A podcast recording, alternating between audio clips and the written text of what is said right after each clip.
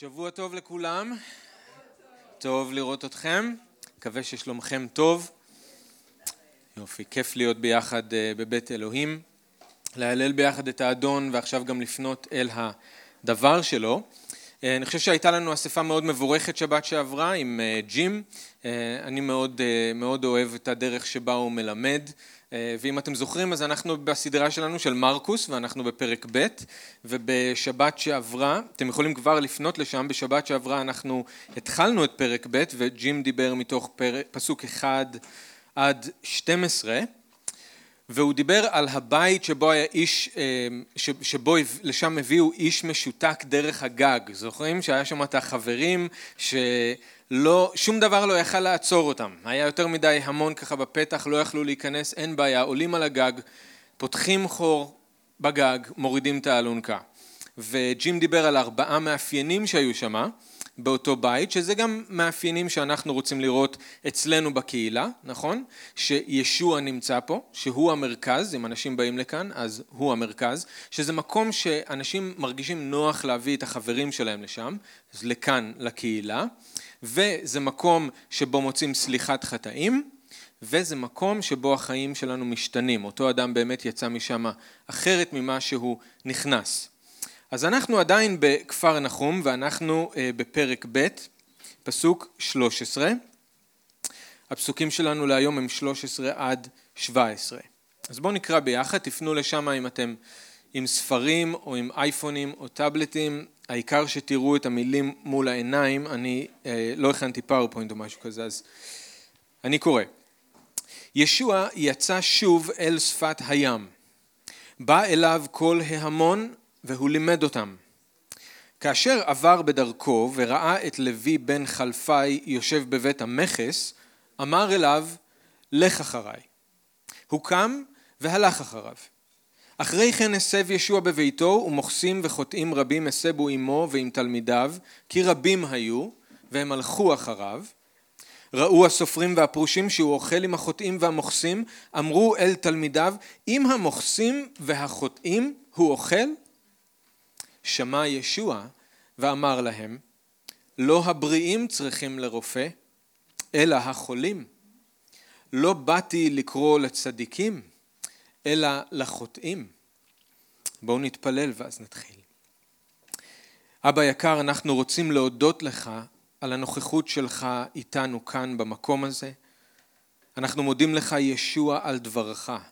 אנחנו מודים לך שאנחנו יכולים לקרוא אודות מה שעשית ומה שאמרת כשהיית כאן על הארץ. ואנחנו מודים לך שהמילים האלה הם לא רק אותיות על דף, לא רק דיו, אלא ברוח שלך הדבר קם לתחייה ומתעורר ומעורר אותנו לחיים. הדבר שלך כתוב שהוא חד, חד כמו חרב פיפיות, יותר מחרב פיפיות, וחודר עד להבדיל בין נפש לרוח ובין הדבקים למוח העצמות. הוא בוחן את מחשבות הלב וכוונותיו. כתוב שדברך הוא כאש וכפטיש שפוצץ סלע. דברך הוא כראי שמשקף לנו מי אנחנו באמת ומה אנחנו צריכים לעשות, איך אנחנו צריכים להשתנות ולהיות יותר כמוך. ואדון אנחנו מודים בחולשה שלנו, שבוע אחרי שבוע אנחנו שומעים את הדבר שלך, קוראים את הדבר שלך, מתפללים ומהללים ואנחנו מוצאים שאנחנו חלשים. אנחנו מודים בחולשה שלנו. ואנחנו מבקשים ממך שהיום אתה תיתן לנו לא רק את הבינה לדעת, להבין מה הדבר שלך אומר, אלא גם את הכוח באדם הפנימי להחליט, לציית ולעשות. אדון, אנחנו מבקשים שאתה תמלא אותנו, אנחנו מבקשים שאתה תדריך אותנו, אנחנו מבקשים שאתה תשפוך אור כדי שאנחנו נראה. אנחנו מקדישים את עצמנו לך ומבקשים ממך שתברך את הזמן הזה. אנחנו מבקשים את זה בשם ישוע המשיח. אמן. אז יש לנו כאן את הסיפור של איך לוי בן חלפי נהיה לתלמיד של ישוע. יש לנו אחר כך את המסיבה השערורייתית שבאה מיד אחר כך, והלקח שישוע מלמד את הסופרים ואת הפרושים. עכשיו אנחנו יודעים שזה סיפור שהיה חשוב למאמינים הראשונים כי הוא מופיע בכל שלושת הבשורות, נקראות הבשורות הסינופטיות, מתי, מרקוס ולוקאס, כמעט מילה במילה, כמעט אותו דבר, אבל השאלה היא למה זה כל כך חשוב שהסיפור הזה יהיה חלק מהבשורה? למה זה כל כך חשוב שגם אנחנו שחיים אלפיים שנים אחרי שכל זה קרה, נזכור את זה, נכיר את הסיפור? אני חושב שהסיבה היא כי כאן אנחנו רואים תמונה ברורה של האהבה של ישוע לאנשים חוטאים ואת המוכנות שלו לקבל אותם אליו כמו שהם. אולי אחת התמונות הכי ברורות. וזה היה מספיק חשוב ששלושת הבשורות כתבו את הסיפור הזה. אז בואו נתחיל. ישוע כתוב לנו יוצא שוב אל שפת הים.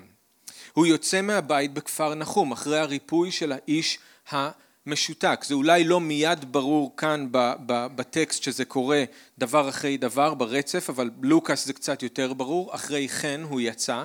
אז הוא היה בבית, השאיר מאחורה את הבית עם החור בגג, האיש המשותק יצא, ההמון איתו, הוא יוצא מהבית אחרי הריפוי של אותו איש, ההמון הולך בעקבותיו וישוע הולך על שפת הים ומלמד.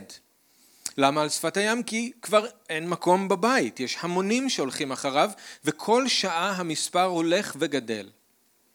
ראינו שבהתחלה ישוע לימד בבית הכנסת, אחרי זה ראינו שהוא לימד בבית של שמעון, עכשיו הוא עובר ללמד על שפת הים, בפרק ג' וד' אנחנו נראה שהוא בכלל צריך להיכנס לסירה על הים וללמד משם את כל האנשים כי כבר חוף הים גם לא היה מספיק. ושוב תשימו לב שהדגש כאן הוא, הוא על לימוד, הוא הולך ומלמד אותם, כמו שהיה בבית הכנסת בכפר נחום, כמו שהיה בשאר בתי הכנסת בגליל ובבית של האיש המשותק, ישוע כל הזמן לימד. וג'ים דיבר על זה ודיברנו על זה בדרשות קודמות, זה מה שישוע בא לעשות, הוא בא להיות מורה, הוא בא ללמד. הוא בא ללמד מה זאת מלכות האלוהים, איך נכנסים אליה, איך חיים בתוכה, זה מה שהוא לימד. מרקוס מת, מתמקד יותר במעשים ופחות במילים, אז אנחנו לא שומעים הרבה במרקוס מה ישוע אמר, אבל אם אתם רוצים אז בשורת מתי, שם הוא מתמקד במה שישוע לימד. אז מה בדיוק הוא לימד אנחנו לא יודעים, אבל אנחנו לא נתפלא בגלל ההקשר של מה שקורה כאן אם הנושא היה האהבה של אלוהים לאנשים חוטאים והסליחה שהם יכולים לקבל בישוע. עכשיו אולי, אולי בזמן שהוא הלך הוא לקח חתיכת בד והוא טבל אותה בצבע אדום בדרך והוא החזיק אותה ככה גבוה שכולם יראו ואז הוא לימד מתוך הנביא ישעיה אם חטאיכם יהיו כשנים כשלג ילבינו אולי הוא הלך והוא שר להם מתוך מזמור קג לא כחטאינו עשה לנו לא כעוונותינו גמל עלינו אולי הוא לקח אבן גדולה הרים אותה וזרק אותה אל תוך הים ולימד מתוך הנביא מיכה. לא החזיק לעד אפו כי חפץ חסד הוא. ישוב ירחמנו יכבוש עוונותינו ותשליך במצולות ים כל חטאותם.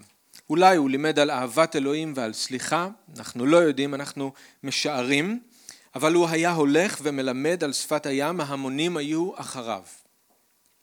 באיזשהו שלב הוא פונה חזרה לכיוון העיר, לכיוון, לכיוון כפר נחום. וכשהם מגיעים לעיר הם עוברים ליד בית המכס. בבית המכס ישב איש שקראו לו לוי. וישוע עשה מה שהוא עשה עם ארבעת הדייגים, הוא נעמד ליד בית המכס, הסתכל על לוי ואמר לו, לך אחריי. לוי עשה בדיוק מה ששמעון ואנדרי ויעקב ויוחנן עשו, הוא קם והוא הלך. עכשיו, לנו אולי זה לא מיד ברור, אבל מה שישוע עשה באותו רגע הוא שערורייתי, הוא בלתי נתפס, הוא שובר מוסכמות, הוא מהפכני. הוא קורא ללוי המוכס להיות התלמיד שלו. זה אותו ישוע שקרא לארבעה דייגים לא מלומדים, גירש רוח טמאה בדבר פיו, נגע במצורע וטיהר אותו, הכריז לאדם המשותק שנסלחו לו החטאים שלו, ועכשיו הוא חוצה עוד קו מאוד ברור. הוא קורא לאדם השפל ביותר להיות התלמיד שלו. בשביל להבין את גודל השערורייה צריך לדעת משהו על מוכסים ועל מי היה לוי בן חלפאי. את לוי בן חלפאי אנחנו מכירים טוב, אבל אנחנו בדרך כלל לא קוראים לו לוי. אנחנו קוראים לו איך? איך? איך קוראים לו? אנחנו לא קוראים לו לוי, איך אנחנו בדרך כלל קוראים לו? נכון, מתי ומתי? לוי בן חלפאי הוא אותו מתי שכתב את הבשורה, בשורת מתי.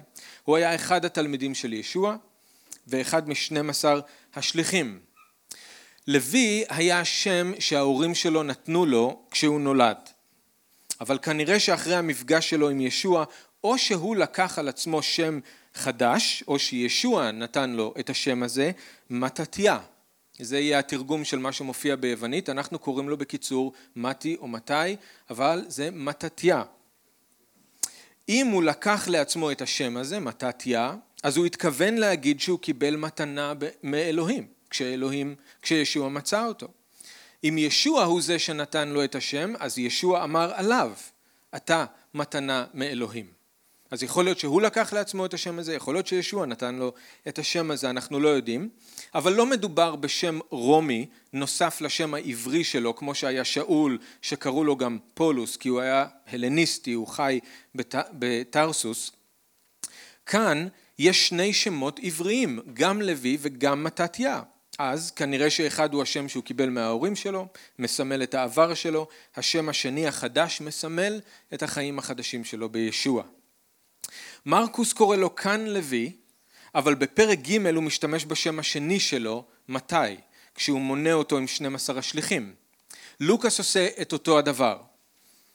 כן? הוא מספר על, על, כשהוא מספר על היום הזה, כשישוע קרא לו, אז הוא משתמש בשם לוי, אבל אחרי זה הוא מחליף את זה למתי, כשהוא מתאר אותו כאחד השליחים. מעניין שבבשורה של מתי, כשהוא מספר את הסיפור שלו בעצמו, הוא אף פעם לא משתמש בשם לוי.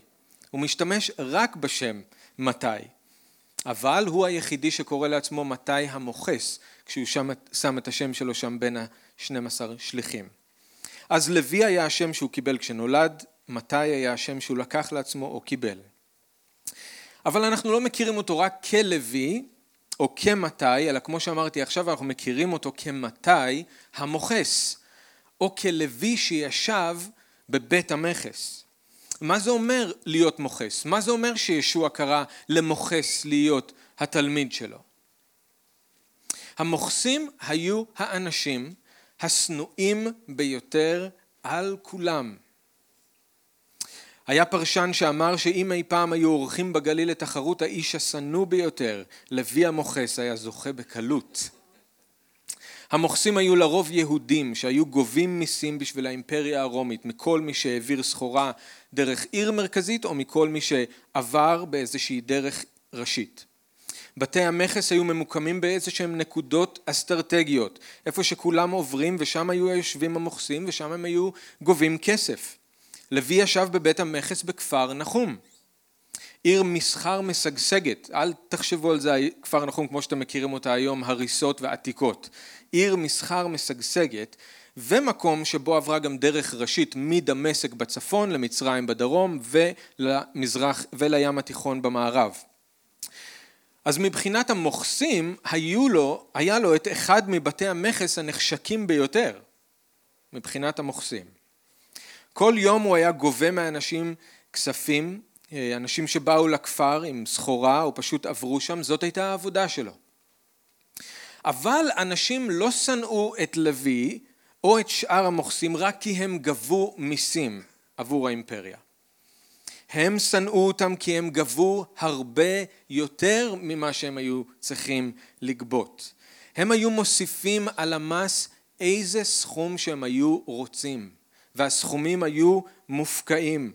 ואנשים היו חייבים לשלם בגלל שהאימפריה הרומית נתנה את הגב שלה לאותם מוכסים. זוכרים את זכאי? גם הוא היה מוכס, מוכס ראשי. אחרי שהוא האמין בישוע הוא הבטיח ככה, הוא אמר אם עשקתי איש אחזיר לו ארבעתיים. וזה קצת בדיחה, כי זה לא שאלה של אם עשקת איש, זה שאלה של כמה אנשים עשקת, אולי כמה ביום.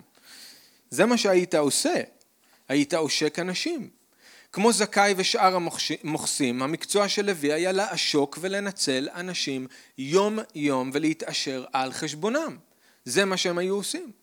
המוכסים היו האנשים הכי עשירים בעיר. לוי כמו שאר המוכסים היה שודד אנשים לאור יום. זה פשוט היה שוד שהיה מעוגן בחוק איכשהו, אבל זה היה שוד לאור יום. הוא היה משתמש באיומים אם צריך. הוא היה מוכן לקחת שוחד כדי להעלים עין. הוא היה מרמה. הוא היה משקר. הוא היה בוגד בעם שלו ומשתף פעולה עם הכוח הכובש. לא פלא שכולם שנאו אותו.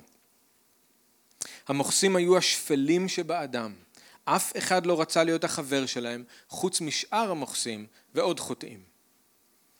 אנחנו יודעים מהמשנה ומהתלמוד שהמוכסים לא היו יכולים להיות דיינים, זאת אומרת שופטים, הם לא היו יכולים להיות עדים בבית משפט, הם היו נחשבים רמאים בלתי אמינים, זה, היו פסולים מזה, הם היו מנודים מבתי הכנסת, אז אנחנו יודעים שלוי לא היה שם ביום שישוע לימד בכפר נחום בבית הכנסת, הם היו נחשבים לבושה הגדולה ביותר של המשפחות שלהם.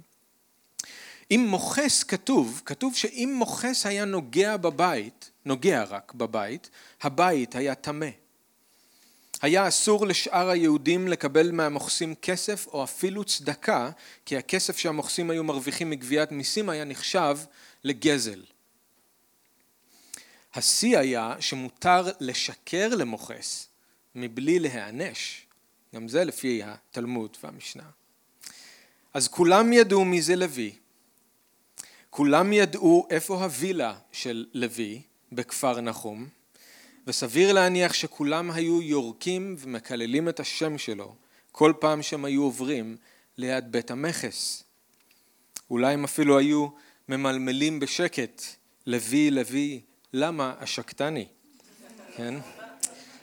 לוי היה האדם שכולם אהבו לשנוא, השפל ביותר מבחינה מוסרית, הרחוק ביותר מאלוהים מבחינה רוחנית, הבודד ביותר מבחינה חברתית. זה היה לוי. לאדם כזה ישוע קורא להיות תלמיד. זאת השערורייה. הוא, קודם הוא קורא לדייגים פשוטים ולא מלומדים, עכשיו הוא קורא לנוכל הכי גדול בכפר נחום. אבל אני חושב שאפשר להגיד שדווקא לאדם כזה ישוע קורא להיות תלמיד, דווקא בגלל שישוע עשה את זה בכוונה. לוי הוא תמונה. ישוע בחר אותו כסמל, כתמונה לחסד של אלוהים. כמה אהבה יש בישוע ללוי. איך הוא רואה מעבר לעושק ולמרמה ולניצול, איך הוא מסתכל על לוי והוא רואה תלמיד. והוא רואה שליח. מה זה מלמד אותנו? שכל אחד יכול להיות תלמיד, כל אחד. גם האדם הפשוט ביותר והבלתי מלומד, גם החוטא הכי גדול, כולם מוזמנים לבוא אל ישוע, כולם יכולים להיכנס אל מלכות האלוהים. עכשיו, אני מקווה שאנחנו לא מסננים מראש אנשים. שאנחנו לא מחליטים מראש מי צריך לשמוע את הבשורה ומי לא. אני מקווה שאנחנו לא מסמנים לנו אנשים מסוימים כחוטאים יותר מדי גדולים מכדי לבוא לישוע. גם האדם המושחת ביותר, גם האדם האכזרי ביותר, הכי לא מוסרי, הכי שפל, גם הוא יכול להפוך להיות תלמיד של ישוע. זה מה שאנחנו לומדים מלוי. לוי הפך להיות תלמיד ואחר כך שליח. זאת אומרת שממוכס רמאי ונוכל הוא הפך להיות אחד היסודות שעליהם בנויה הקהילה, עמוד האמת ויסודה. מאיש שכל חייו כתב לאנשים שטרות חוב, הוא הפך להיות מישהו שכתב את הבשורה שיכולה למחוק כל חוב. זה אומר שהשם שלו מתתיה לנצח יהיה חקוק ביסודות של העיר שעתידה לבוא, ירושלים השמימית. לפי ספר התגלות. אז אם אתם היום כאן לא בטוחים שישוע יכול לקרוא גם לכם אליו כי אתם לא ראויים, כי ניצלתם יותר מדי אנשים, כי שיקרתם ליותר מדי אנשים, כי בגדתם ביותר מדי אנשים, כי רימיתם, אז תסתכלו אל לוי. תסתכלו אל מתתיה ותאמינו תאמינו שהקול של ישוע קורא גם לכם לבוא אליו, בדיוק כמו שאתם. זה הפלא של האהבה של אלוהים, זה הפלא של הבשורה. הוא אהב אותנו קודם, בראשונה ליוחנן כתוב לנו, הוא מת בעדנו כאשר עוד היינו אנשים חוטאים, כתוב לנו ברומים. הוא לא אוהב אותנו כי אנחנו ראויים, הוא אוהב אותנו כדי שנהפוך להיות ראויים. זה בדיוק מה שהסופרים לא הבינו, זה בדיוק מה שישוע מנסה להסביר להם בסוף הסיפור. כתוב לנו שלוי קם והלך אחרי ישוע, אבל לוקאס מוסיף שהוא קם והלך ועזב את הכל. תחשבו רגע מה זה אומר מבחינת לוי לקום וללכת אחרי ישוע, ולמה לוקאס אומר שהוא עזב את הכל. למעשה לא היה מישהו מהתלמידים שהיה לו יותר מה להפסיד מלוי. הוא היה איש עשיר מאוד, הוא חי חיי תענוגות, היו לו חיים מאוד נוחים, הוא עשה מה שהוא רוצה, היה לו את הגב של האימפריה הרומית. כשהוא קם והלך אחרי ישוע, הוא עזב את הכל. הוא עזב מאחור את החיים הטובים, במרכאות. לוי היה מומחה בחישובים של רווח והפסד, ואנחנו יודעים שהוא הבין טוב מאוד כמה זה יעלה לו. לוי גם ידע שברגע שהוא נטש את העמדה שלו בבית המכס, הוא כבר לא יוכל לחזור לשם במקרה והוא ישנה את דעתו. להבדיל מהדייגים שהיה להם עסק משלהם והם יכלו לחזור לשם אם הם רצו, הוא לא יכל. להיות מוכס היה משהו מבוקש מאוד, אנשים חיפשו להתעשר בקלות ומהר והיו אנשים, הרבה אנשים שהיו מוכנים למכור את עצמם לרומא והם רצו את המשרה שלו. במיוחד את בית המכס בכפר נחום וללא ספק הם קפצו על המציאה מיד ברגע שהוא קם ויצא משם. יותר מזה, לוי גם ידע שלחזור ולחיות כאחד התושבים בכפר נחום זה אומר לחיות עם אלה שהוא רימה. זה אומר לחזור לחיות עם אלה שהוא גנב מהם. אלה שהוא ניצל ואלה שהוא עשק. הוא ידע שאנשים לא בוטחים בו. הוא ידע שיש הרבה אנשים שנותרים לו טינה. הוא ידע מה זה אומר עכשיו לחזור ולחיות איתם. כל הימים שלו כמוכס קנו לו הרבה מאוד אויבים. אולי אפילו הוא ידע שיש סכנה לחיים שלו. הקנאים שנאו את כל מי ששיתף פעולה עם רומא, ואם היה מישהו ששיתף פעולה עם רומא זה לוי, ועכשיו שאין לו את ההגנה של האימפריה הרומית, אולי אפילו החיים שלו בסכנה. ותחשבו על שאר הדייגים, מה איתם? הדייגים שכבר היו התלמידים של ישוע הרי הם אלה שגם סבלו מלוי ומכל החברים שלו ועכשיו הוא מצטרף אליהם. איך הם יקבלו אותו? הדייגים צריכים לקבל את המוכס הם צריכים לקבל אליהם את זה שרימה אותם, ניצל אותם, עשק אותם. אז כשכתוב לנו רק שהוא קם והלך, אני רוצה שאנחנו רק נזכור שלמילים האלה מוצמד תג מחיר כבד מאוד. זה עלה ללוי המון, יותר אולי מלכל התלמידים האחרים. אז מהשערורייה הזאת של מוכס שנקרא להיות תלמיד אנחנו עוברים לשערורייה לא פחות גדולה שזאת המסיבה בבית של לוי. כן? אנחנו קוראים בפסוק 15 ו-16, אחרי כן הסב ישוע בביתו, מוכסים וחוטאים רבים הסבו עמו ועם תלמידיו, כי רבים היו והם הלכו אחריו. ראו הסופרים והפרושים שהוא אוכל עם החוטאים והמוכסים, אמרו אל תלמידיו, עם המוכסים והחוטאים הוא אוכל. אז לוי עשה מה שמוכסים יודעים לעשות, בדיוק מה שזכאי גם עשה. הוא ערך סעודה. לוקאס קורא לזה מסיבה גדולה. זה תיאור קצת יותר מדויק, זאת הייתה מסיבה גדולה. היה לו בית גדול, אולי היה לו את הבית הכי גדול בכפר נחום. הוא הזמין את ישוע, הוא הזמין את כל התלמידים שלו, ובנוסף לזה את כל החברים שלו. את כל המוכסים האחרים ואת כל הטיפוסים המפוקפקים שהם היחידים שהיו החברים של המוכסים, את כל אלה שנקראו פשוט חוטאים, נואפים, זונות, נוכלים, גנבים, אתם יכולים להשלים את הרשימה בעצמכם, את כל האנשים האלה הוא הזמין אל תוך הבית. הבית של לוי מיד נהפך להיות למאורת פריצים. הבית היה מלא באנשים השפלים ביותר בכפר נחום. כולם נשענים אחד ליד השני, סביב לשולחנות, השולחנות מלאים באוכל, הם מושיטים ידיים, מנסים להגיע לאוכל, מושיטים יד לאיזה כוס עם משקה, תדמיינו לכם את הסיטואציה הזאת, ושמה לידם וביניהם יש את ישוע ואת התלמידים שלו. בתוך המסיבה הזאת, ליד השולחנות, עם האנשים הגרועים ביותר, השפלים ביותר, יש את ישוע ואת התלמידים שלו. הם אוכלים והם שותים ביחד איתם. ובחוץ, הסופרים והפרושים. תכף אני אגיד משהו על הסופרים והפרושים, אבל תחשבו על זה, מה לוי עושה. לוי לא חושב פעמיים. מיד אחרי שהוא פוגש את ישוע היה ברור, היה לו ברור שהוא חייב לעשות מסיבה ולהזמין את כולם.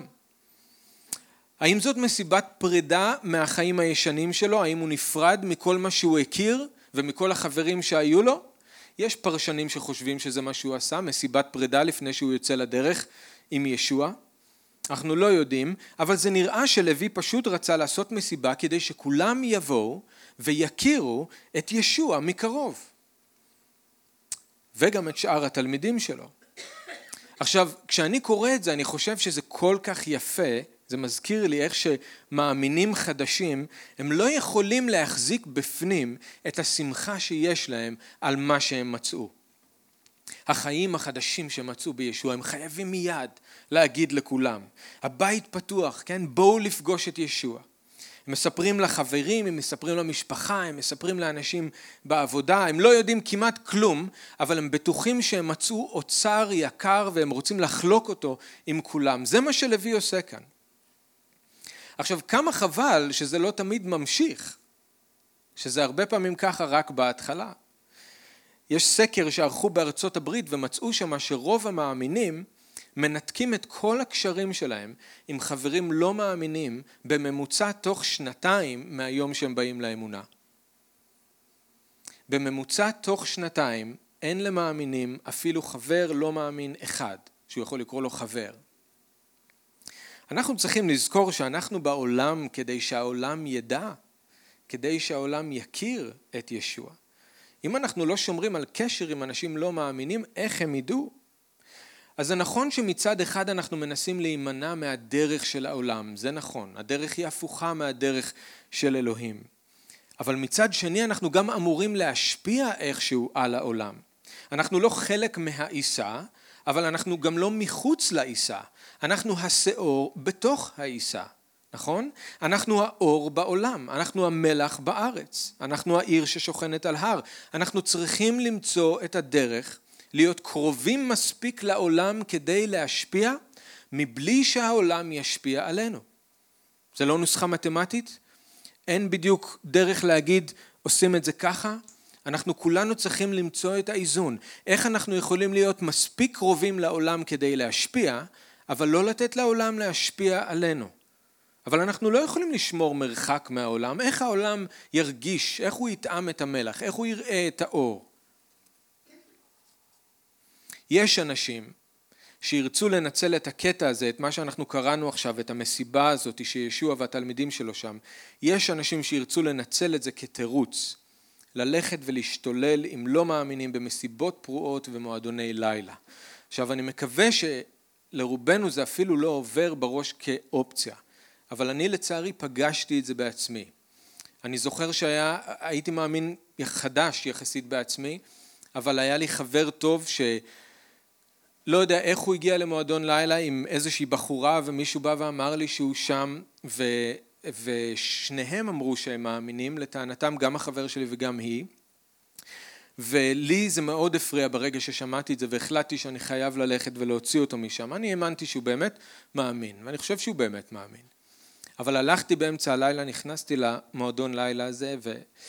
לא זוכר באיזה שעה זה היה, שתיים או בבוקר או משהו כזה, ופשוט גררתי, משכתי אותו משם ומשכתי את הבחורה הזאת משם, מתוך המועדון לילה, והוצאתי אותם ולקחתי אותם חזרה לדירה ונתתי להם קפה וניסיתי להחזיר, הם היו די שטויים, וניסיתי להחזיר אותם ככה לעצמם ולדבר איתם, והבחורה ישבה שמה, חצי שיכורה עם הקפה, ומה שהיא הצליחה להוציא מהפה שלה, כשהיא ניסתה להצדיק את מה שהיא עשתה, זה שגם ישוע הרי ישב עם חוטאים ומוכסים ועם שיכורים. היא השתמשה בפסוקים האלה להגיד שזה כאילו היה בסדר ללכת ולהשתכר, ללכת למועדון לילה. כאילו שזה היה בסדר, כי גם ישוע עשה את זה. אז זה לא נכון. הקטע הזה הוא בהחלט לא רישיון להצטרף לחטא של אנשים אחרים, בדיוק להפך, כמו שאנחנו נראה בסוף מה שישוע אומר. צריך להיזהר. אבל בוא נלמד מלוי. לא להזניח את הקשרים שלנו עם אנשים לא מאמינים. אבל תראו שזה לא חייב להיות תמיד במסגרת הקהילה. נכון? לוי עשה מסיבה אצלו בבית. למה לא להזמין אנשים אליכם הביתה, לארוחת ערב? למה לא להיפגש איתם לקפה? למה לא לצאת איתם לסרט? לפעמים אנשים נרתעים מלבוא לקהילה, אז למה לא לבלות איתם במקום שנוח להם? אם הם עדיין לא מוכנים לפגוש את ישוע כאן בקהילה, תביאו את ישוע אליהם, איפה שהם נמצאים. זה בסדר, זה מה שלוי עשה. עכשיו, לא כולם חשבו שהמסיבה הזאת בבית של לוי הייתה כזה להיט. כמו במשל המפורסם, האח הגדול של הבן העובד, אתם זוכרים, עומד כועס מחוץ למסיבה ולא יכול להיכנס ולהשתתף בשמחה. גם כאן הסופרים עומדים מחוץ למסיבה בפנים כועסות ואצבע אצבע שלופה לעבר ישוע, מותחים ביקורת על איך שהוא מתנהג. לא מספיק שהוא קרא לאדם כמו לוי להיות התלמיד שלו, לפני שלוי בכלל הוכיח שהוא באמת משנה את הדרכים שלו. עכשיו הוא גם מתארח אצלו בבית ושותה ואוכל עם כל שאר המוכסים והחוטאים. הוא מטמא את עצמו, הוא מטמא את התלמידים שלו. אם הוא אוכל איתם, אז הוא בטח גם מסכים עם המעשים שלהם. ואיזה דוגמה הוא בכלל נותן לאנשים אחרים? הם עומדים בחוץ, סביר להניח שזה הדברים שהם חושבים. גם כשישוע, אתם זוכרים, מתארח אצל זכאי, המוכס ההוא הראשי מיריחו, התלוננו עליו. אצל איש חוטא הוא בא להתאכסן. במקרה אחר התלוננו על ישוע, הוא מקבל את החוטאים ואוכל בחברתם. איזה פשע. אמרו עליו, הוא איש זולל ושובע, הוא אוהב לאכול כל הזמן ולשתות כל הזמן. ידיד המוכסים והחוטאים. ישוע בילה כל כך הרבה זמן עם מוכסים וחוטאים בכל מיני סעודות ואירועים, עד שיצא לו שם. שם שבעיניהם הוא שם גנאי, אבל בשבילנו הוא שיר. ידיד המוכסים והחוטאים. איזה נחמה זאת לשמוע. שהוא ידיד המוכסים והחוטאים. איפה אנחנו היינו היום אם הוא לא היה ידיד המוכסים והחוטאים? אבל בשבילם הם אמרו לו את זה כשם גנאי. הוא בילה כל כך הרבה זמן עם חוטאים שקראו לו ידיד המוכסים והחוטאים. הלוואי ויגידו עלינו אנשים. הלוואי ויגידו עלינו אנשים. האנשים האלה שמה בקהילה הזאת הם מוזרים. למה? הם מסתובבים עם כל האנשים האלה שאף אחד לא רוצה להיות איתם. הם הידידים של המוכסים והחוטאים. אל תלכו לקהילה הזאת, מלא אנשים מוזרים. כתב האישום, ידידים של מוכסים וחוטאים. שזה יהיה כתב האישום שלנו, שזה יהיה שם הגנאי, שכולם יגידו עלינו שאנחנו ידידי המוכסים והחוטאים. האנשים שהיו עיוורים בגלל הדת שלהם ובגלל המסורת שלהם, ואני לא אומר שמסורת זה רע, אבל במקרה הזה הדת השאירה את האנשים מחוץ למסיבה, והרבה פעמים הדת משאירה אנשים מחוץ למסיבה. עומדים בחוץ, מותחים ביקורת, שופטים את כולם, גם את אלוהים בעצמו במקרה הזה. יש להם עיניים והם לא רואים. הם נהיו משועבדים לטפל, שכחו את העיקר. הם נהיו משועבדים לאות ושכחו את הרוח. הם נהיו משועבדים לחוק ושכחו את החסד. חסד. כשמתי מספר את הסיפור הזה על עצמו הוא מוסיף משהו שמרקוס ולוקאס לא מוסיפים ואני חושב שלמתי בתור זה שזה הסיפור עליו היה מאוד חשוב להגיד את זה. הוא מוסיף שישוע גם אמר לסופרים האלה צאו ולימדו מה משמע חסד חפצתי ולא זבח. הם לא הבינו מה זה חסד. התמונה של מה שהתרחש בבית של לוי היא תמונה של חסד רומים ה' 20 אומר לנו היכן שהתרבה החטא החסד שפע עוד יותר. אז איך ישוע הגיב לביקורת עליו שהוא אוכל עם המוכסים והחוטאים? כמו שרק ישוע יכול, בפשטות ובחוכמה ובחדות כזאתי. לא הבריאים צריכים לרופא. אלא החולים. לא באתי לקרוא לצדיקים, אלא לרשעים. לא הבריאים צריכים לרופא, אלא החולים. ישוע נמצא במסיבה לא בגלל האוכל ולא בגלל המוזיקה ולא כי הוא שותף לחטאים שלהם ולא כי הוא מסכים איתם אלא כי הם חולים ולא יש את התרופה.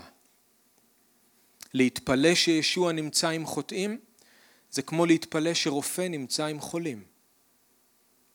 כמה מגוחך זה אם יהיה רופא שיעשה הכל כדי להימנע מלבוא במגע עם חולים? שבע שנים, למדת, סטאז', הכל, ומה אתה עושה עכשיו? את כל הזמן שלי אני מבלה בלנסות להימנע מאנשים חולים. כמה משונה זה יהיה אם רופא יגיד לאדם חולה שבא לראות אותו, אני לא מוכן לקבל אותך במצב הזה, תחזור אליי אחרי שתבריא. אבל זה בדיוק מה שהסופרים והפרושים היו אומרים להם. וזה בדיוק מה שהדת אומרת עד היום לאנשים. קודם תשתנו, אחרי זה נקבל אתכם.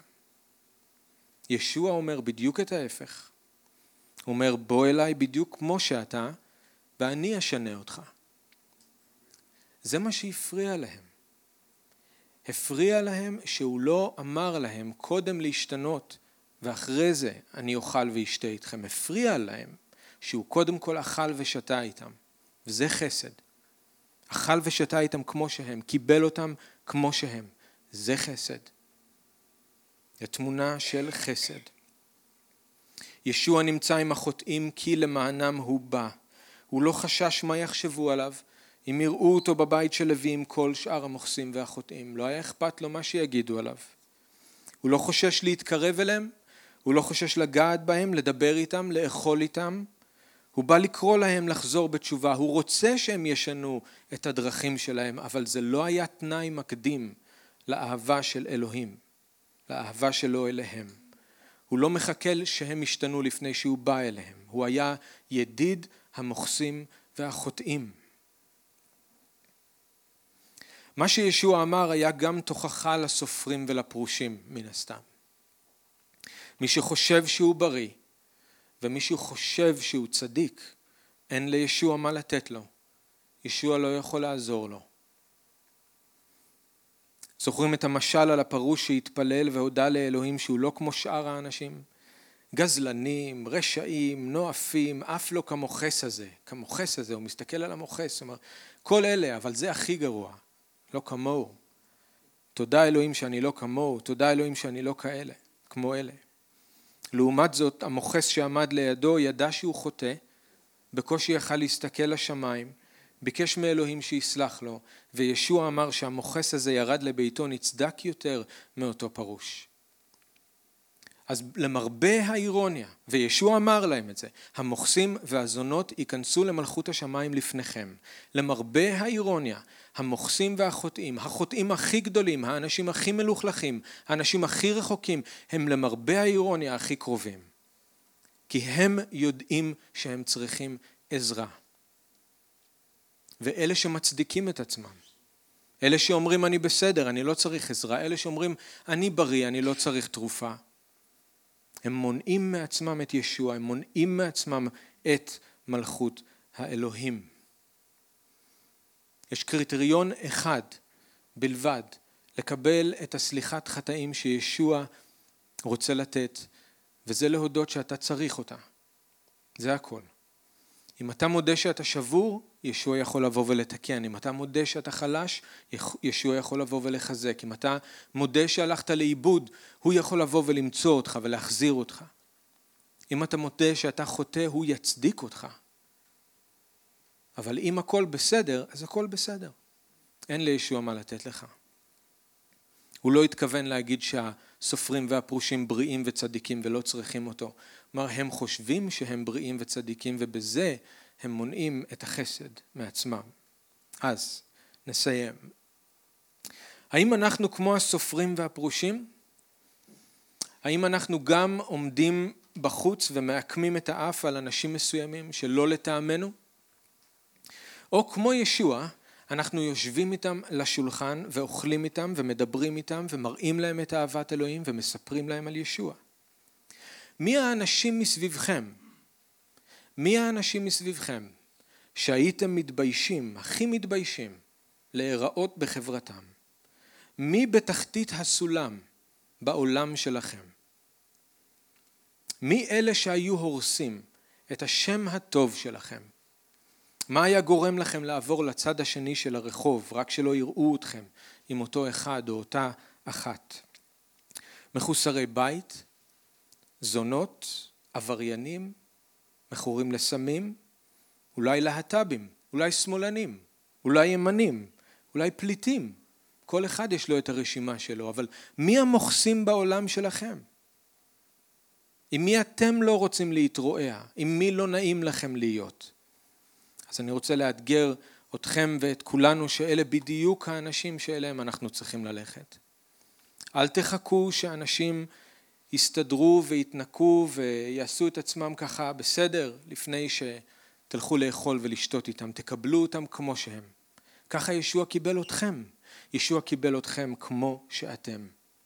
הוא מקבל אותנו כמו שאנחנו, אבל לא רוצה להשאיר אותנו ככה, הוא משנה אותנו.